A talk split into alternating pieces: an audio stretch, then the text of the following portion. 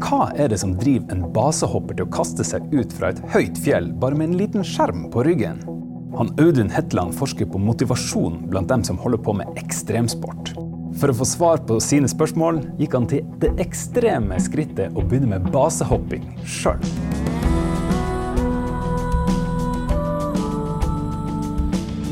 Observatoriet. En forskningspodkast fra UiT Norges arktiske universitet.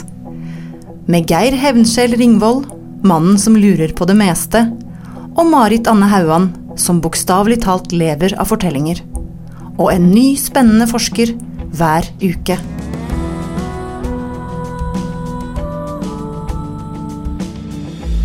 Hei, Geir. Hallo, hallo. Hei, Audun. Hei, du. Geir, vi har besøk av en Audun Hetland. Han er førsteamanuensis i psykologi. Han jobber på et senter for snøskredforskning og utdanning, ikke minst. Og han uh, har ekstremsport som sitt forskningsområde. Noen vil huske han fra Forsker Grand Prix i Nasjonalt Forsker Grand Prix i 2011. Den vant han. Og da var temaet basehoppere, som er også tema for hans doktorgrad. Og det er jo et, et tema Basehoppere er jo et tema som ikke bare får oss til å tenke på ekstrem, men også får oss til å fryse på ryggen. For det er jo også et område hvor vi med veldig jevne mellomrom hører om folk som blir tatt av fjellet. Fjellet tar sine offer. Hvordan forsker man på sånt? Nei, det, er ikke så, det er ikke så enkelt. fordi at uh, det som jeg har lyst på, altså det som jeg holder på med, det er motivasjon. Jeg lurer på Hva er det som driver disse folka? Når du gjør noe som er såpass farlig, og så gjør du det frivillig. Uh, så, så hva, hvorfor, hvorfor det? Og det å forske på motivasjon, det, det er vanskelig fordi at uh, det, er liksom, det å ta tak i den der indre drivkraften, den er vanskelig å måle. Så for å få til det, så må vi finne ut hva folk føler. Eh, og det høres jo enkelt ut, kanskje, men eh, for det at de fleste kan si hva de føler akkurat nå. Mm. Men eh, vi skal liksom, hva følte du i går? Da er det sånn Ja, nei, nå skal du høre. Eh, og, så, og, så kommer, og, da kommer hukommelsen vår inn, og den, eh, den fyller inn, og den, eh, den, er konstruktiv. og Det stemmer ikke alltid. Så for å finne ut det, så måtte jeg være, måtte jeg være der og da med de. Så jeg var på fjellet med basehopperne. Eh, du sto altså der og så når de hoppa ut? Ja, ja, det er det. Og vi filma de på toppen. Eh, og eh, så utstyrte vi de med et hjelmkamera, så de filma hoppet sitt sjøl. Sånn at et døgn seinere fikk de se den filmen for å se om det å kunne liksom, løfte opp igjen i minnet denne her opplevelsen, så vi kunne måle den en gang til. Så vi, vi, vi spurte de umiddelbart etter de hadde landa, og så spurte vi de et døgn etterpå for å se hva, hva handler dette egentlig om. Hvordan føles dette her? Fikk du nok empiri av det? Nei, jeg gjorde ikke det. det vi, vi oppdaga jo en, en haug med problemer eh, akkurat her. fordi at eh, hvis du spør en basehopper om han er redd etter han har landa, så er svaret sånn Ja, ja litt. Men jeg har jo òg pulsdata på alle disse basehopperne. Eh, og hvis du holder det svaret deres på, på frykt opp imot pulsen, så stemmer det ikke i hele tatt. Eh, dette her er jo folk som har stått i ro lenge. Helt på toppen, kanskje liksom 45 minutter, kanskje til og med en time. Men de er tett på makspuls. Alle.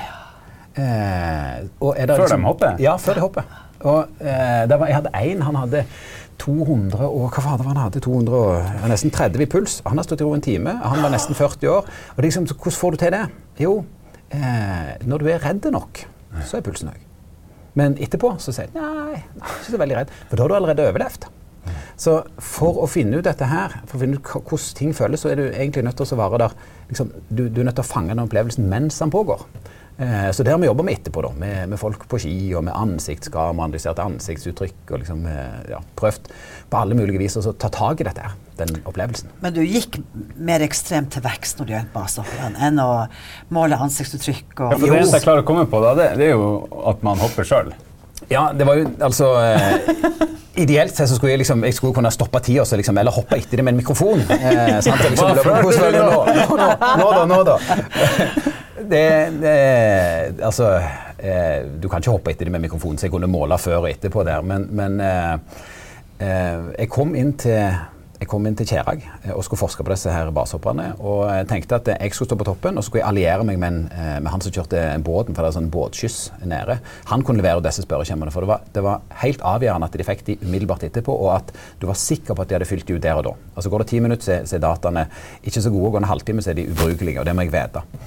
Men han kunne ikke det. Han satt eh, midtfjord, så, eh, så, eh, så, jeg var alene. Så han sa at det begynner nybegynnerkurs i basehopping her på torsdag. Dette var en onsdag, så det begynner i morgen. Så du kan bare melde deg på kurs, og så blir du med. Jeg var en erfaren fallskjermhopper den gangen, men jeg hadde, jeg hadde, ingen planer om å drive med basehopping. Eh, men det, ble liksom, det, det, høres jo dumt ut, men det, det ble løsningen på et problem. Eh, så jeg ble med på det kurset og eh, fikk låne skjerm og hjelm og liksom alt det greiene der og ble med opp på fjellet. Eh, så alle hoppa, og jeg filma og styrte og putta videokamera i lommen, og så hoppa jeg etter. Oh.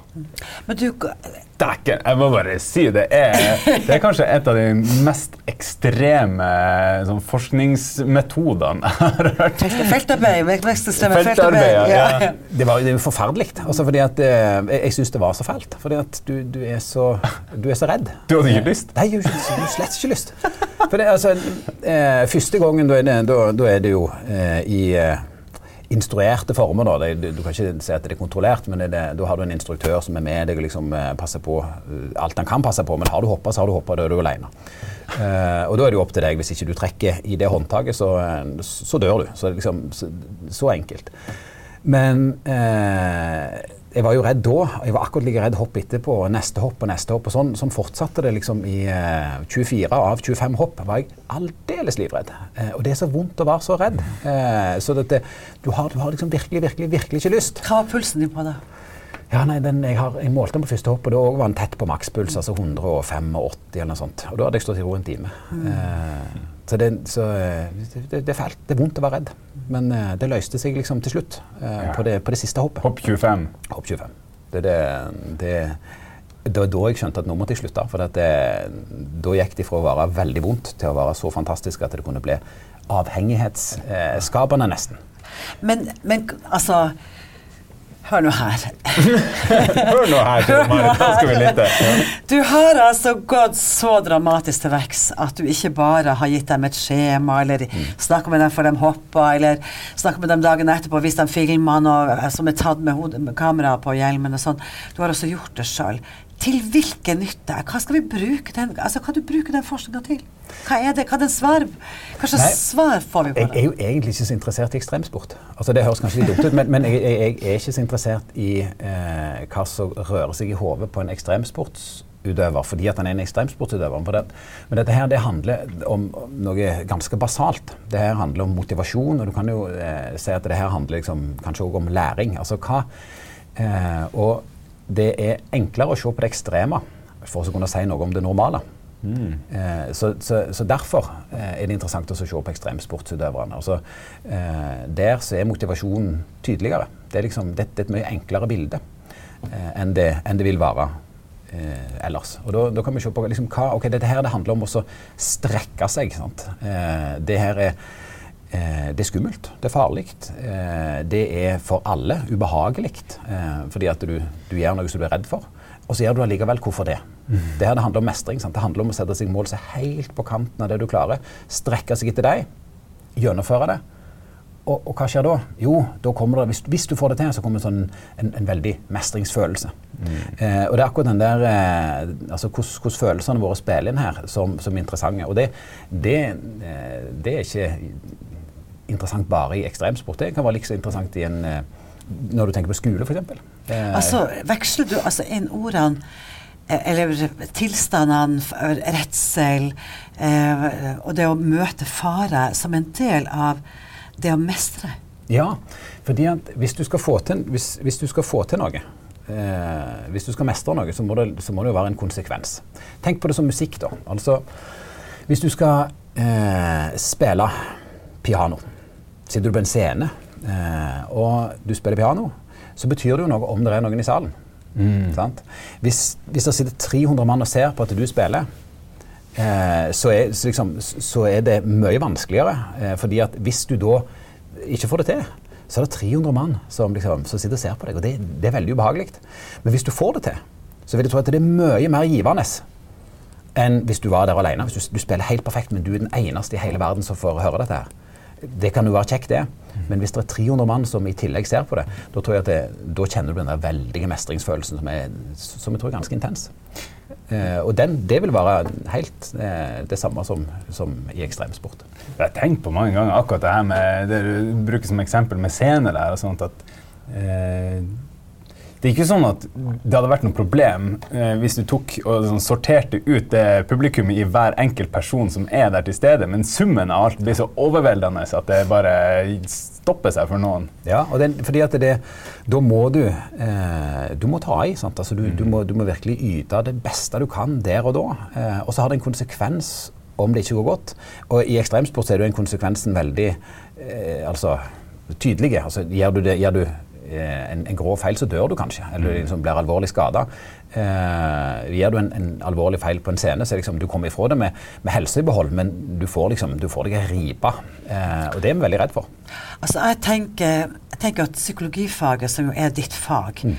har jo jeg nesten alltid tenkt på som et fag som er vesentlig fordi det kan, psykologer kan hjelpe mennesker som har det vondt. Mm. Altså de kan, Hvis du er deprimert, hvis, du, altså hvis livet går deg imot, eller du sjøl har problemer, så kan du psykologer komme og har redskap og verktøy for å hjelpe deg over.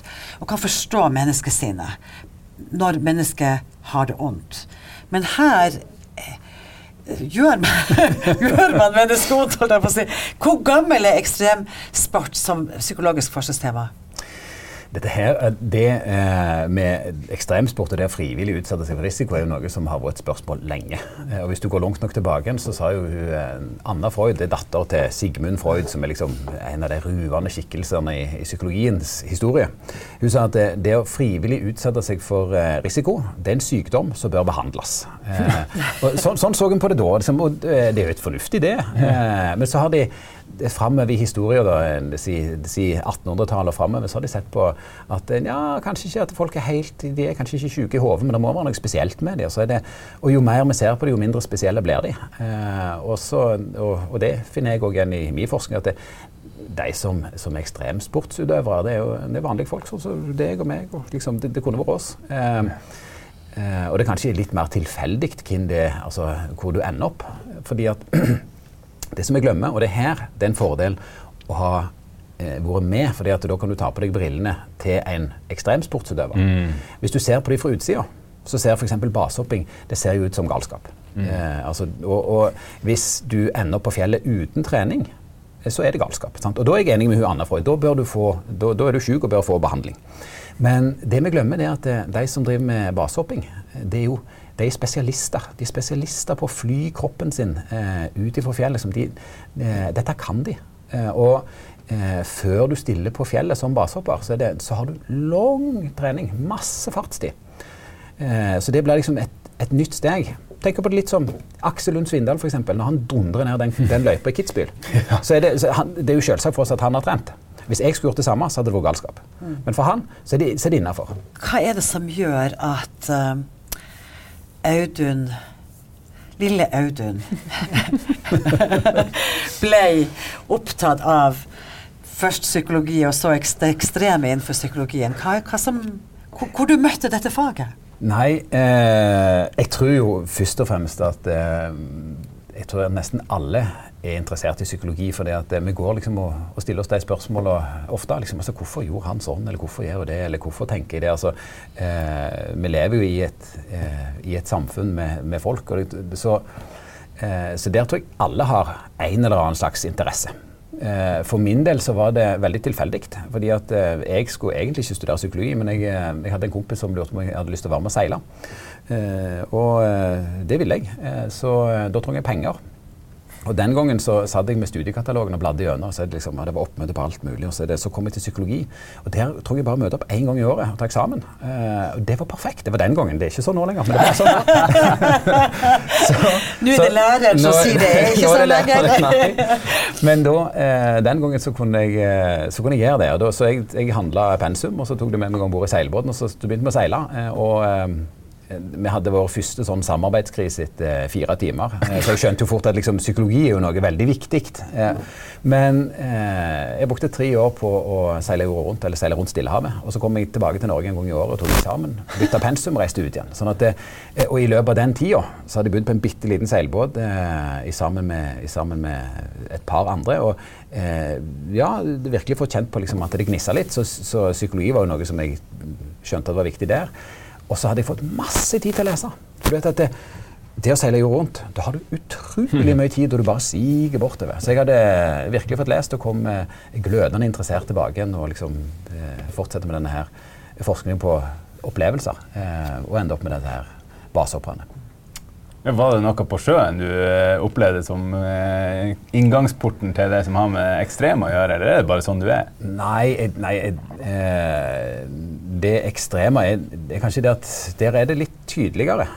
Vi opplevde veldig mye som var, som var, både skummelt og krevende på, på havet. Altså med, og, og, ting som jeg ser på nå i ettertid. At liksom, eh, her skulle vi hatt en nordnorsk fisker som kunne liksom snakket vett til oss. fordi at her var vi helt, liksom, her hadde vi absolutt ikke peiling på hva vi holdt på med. Altså, det, det er flere sånne. og Vi, hadde et nestenforlis. Liksom, så, så det, var, det var dramatikk der.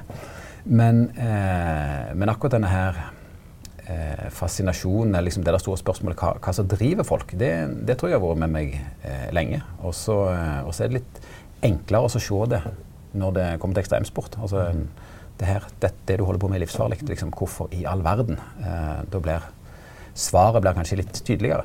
Mm. Altså, tilbake til det, det der eh, ekstremsport og læring som du nevnte også tidligere, eh, med mestring. Uh, hvis vi Hvis jeg forsto deg rett, så, så, så snakker du om at frykten er et redskap for mestring, og sammen blir dette gir dette oss en ny posisjon? Er det Ja, du kan, du kan si det sånn at det, vi har jo et, et, sett med følelser. Mm. Og hver en av dem har eh, sin spesifikke funksjon. Frykt er veldig viktig. Altså, hvis du, hvis du hadde, kan leve et liv uten frykt, eh, så, så, er ikke det sikkert at det går så godt. fordi at det, frykt er med oss å ta vare på oss. Eh, og eh, frykt er et stoppsignal. Hvis du gjør noe som mm. kan være farlig for deg, så blir du redd. Da stopper du opp, eh, og så begynner du å se et alternativ. Liksom. Altså det, hvis du ser brøytebilen eh, komme rasende imot deg når du, er, eh, når du er midt på gata, så kan det hende at du, liksom, du, kjenner stikk i magen. Det er veldig lurt. sånn Overlevelsesmessig frykt kjempebra. Men eh, så har du andre følelser som òg har eh, sine funksjoner. Interesse, f.eks. Det, eh, det er en interesse for å lære, for å utvikle seg og for, eh, for å vokse som menneske. Og det som er interessant der, det er at det, er det liksom interesse og engasjement de, eh, det, det, er jo den raketten vi sitter på. Sant? Hadde vi ikke hatt eh, den driven for oss å lære, som er styrt av interesse og engasjement, så hadde vi fremdeles krabba rundt på gulvet sant, i bleier uten språk. Altså, sånn, det, her er jo, det her er jo med oss å dra oss videre. Det er bare å se på en toåring, liksom, som, eh, eller se på en ettåring som skal lære seg å gå. Mm. Eh, hvor engasjert og hvor interessert og, liksom, eh, og hvor frustrert han er hvis det ikke går. Sant? Og frustrasjon det er òg viktig. Altså, fordi at eh, Blir du frustrert, så, det, så, gir du bare enda mer gass. Liksom, 'Jeg fikk det ikke til.' Mm. Og så tar du i litt ekstra. Eh, og så kommer glede, da. Og det, her kan jeg jo fortelle om, jeg kan liksom fortelle om det der hoppet, det siste hoppet som gjorde at jeg avslutta som basehopper. fordi det, det, er et godt eksempel på, på glede. Eh, til nå de 24 første hoppene, så hadde, så hadde hvert hopp vært veldig mye frykt. Fordi jeg er så langt ute av komfortsonen at eh, det, det, er bare vondt. Og når jeg landa, så var jeg fremdeles så langt ute av komfortsonen at det, det, var bare tomt. Det var, ikke, det var liksom ikke noe annet der. Og alle kom liksom og skulle gi en high five. og 'Kjempebra, Hetland'. Liksom. Jeg syns ikke det. det var bare, for det, det var bare så, så langt ute av komfortsonen. Det var ikke kjekt. Men jeg måtte gjøre dette igjen og igjen og igjen. og igjen. Eh, parallelt så drev jeg og forska på fallskjermhopperne. sånn at jeg var med der og fikk trent liksom helt spesifikt på de egenskapene jeg trong. Eh, og så kom jeg tilbake til Kjerag eh, og skulle ha en ny sånn periode med datainnsamling. Og dette var liksom første hopp i den andre perioden. Så jeg fylte folk opp og liksom eh, filma. Alle hadde hoppa, jeg sto aleine på toppen. Og så skjedde det noe rart. fordi Fram til det så var det likt. Jeg hadde stått der og liksom styrt med mine greier, men så ble det stille. Alle, liksom, alle hadde reist. Jeg sto der igjen alene. Og eh, så senka det seg en sånn ro.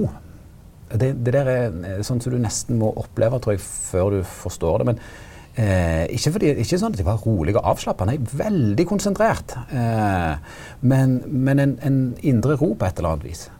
Og for første gang så kunne jeg, liksom, jeg kunne se Det, det er en fantastisk plass. Du, altså, det, det, å stå på Kjerag du ser utover Lysefjorden, og du, liksom, du ser inn Ryfylke det, det, det, er nydelig.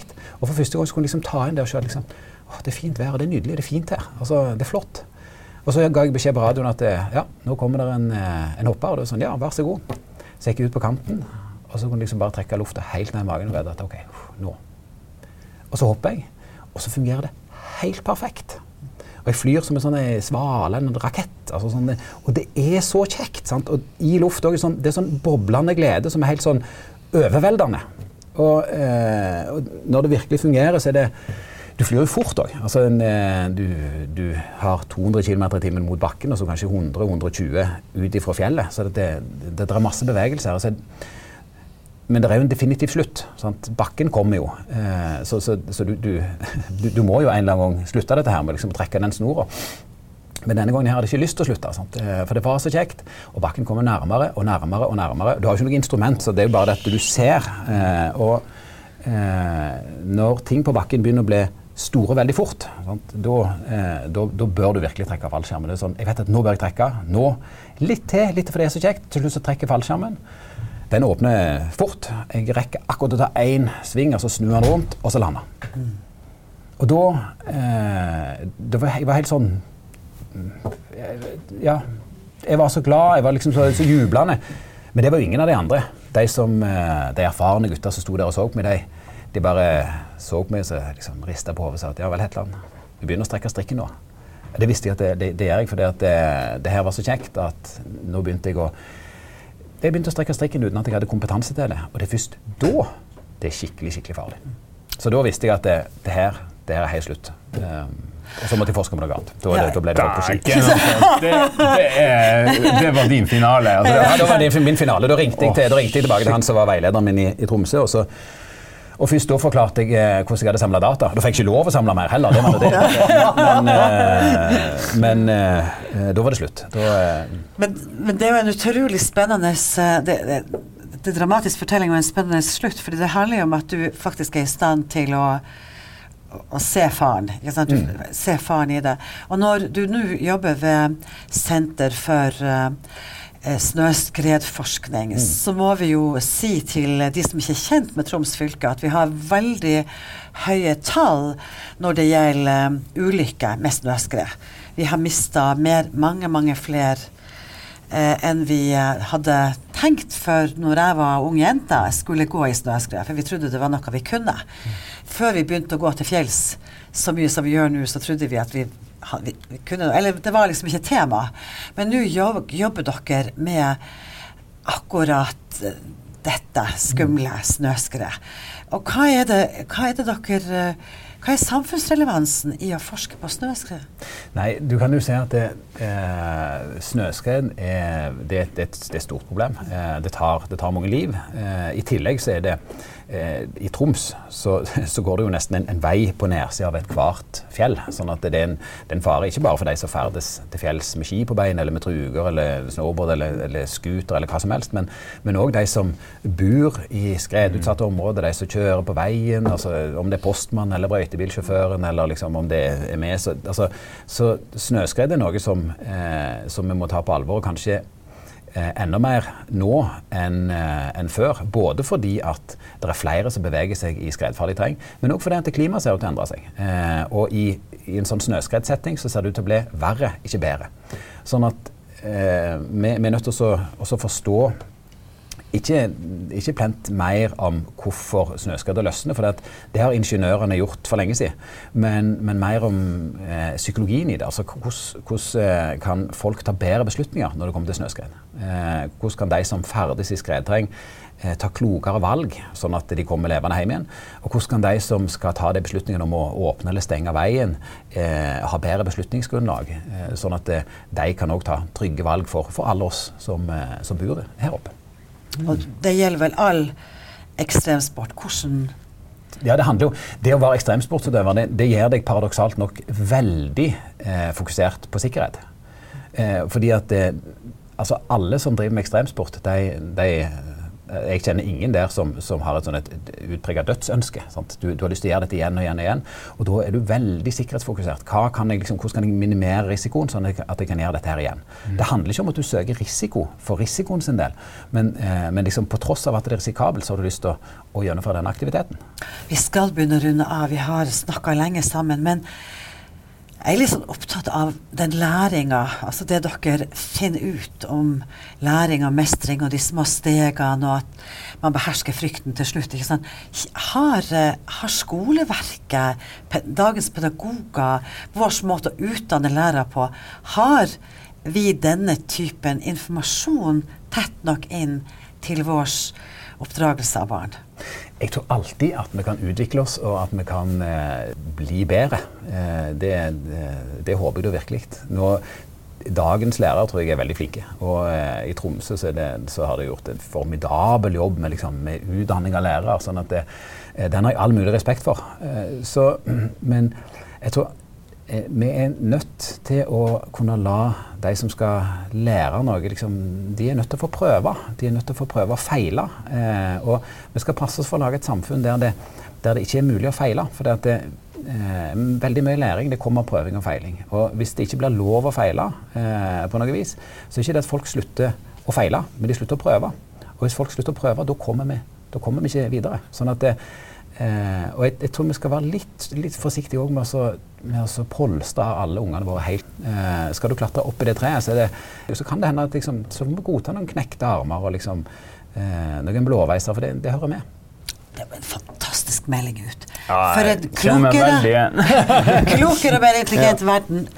Mest tør, tør noe, prøv dere. ikke sant? La ungene få lov til å utsette seg for de farene som mm ja, innenfor begrensa rammer, da. Sånn at det er eh, Du trenger ikke la de leke på veien. sant? Det, det, det er ikke det. Men, men, eh, men, eh, de må få lov å liksom kjenne litt på livet. Det, det, må være lov å slå seg litt. Liksom, eh, jeg sier ikke at de skal sykle uten hjelm. liksom. Men det, ikke basehopp, valgfag? Nei, nei, nei, nei, nei, nei basehopping det hørte til forrige generasjon. Det, det, det anbefaler ingen. liksom. Det, det, nei. Audun, tusen takk. Det har vært en veldig spennende uh, samtale. Og vi må da fortsette i vår verden uten å være så veldig redd for frykten. Ja.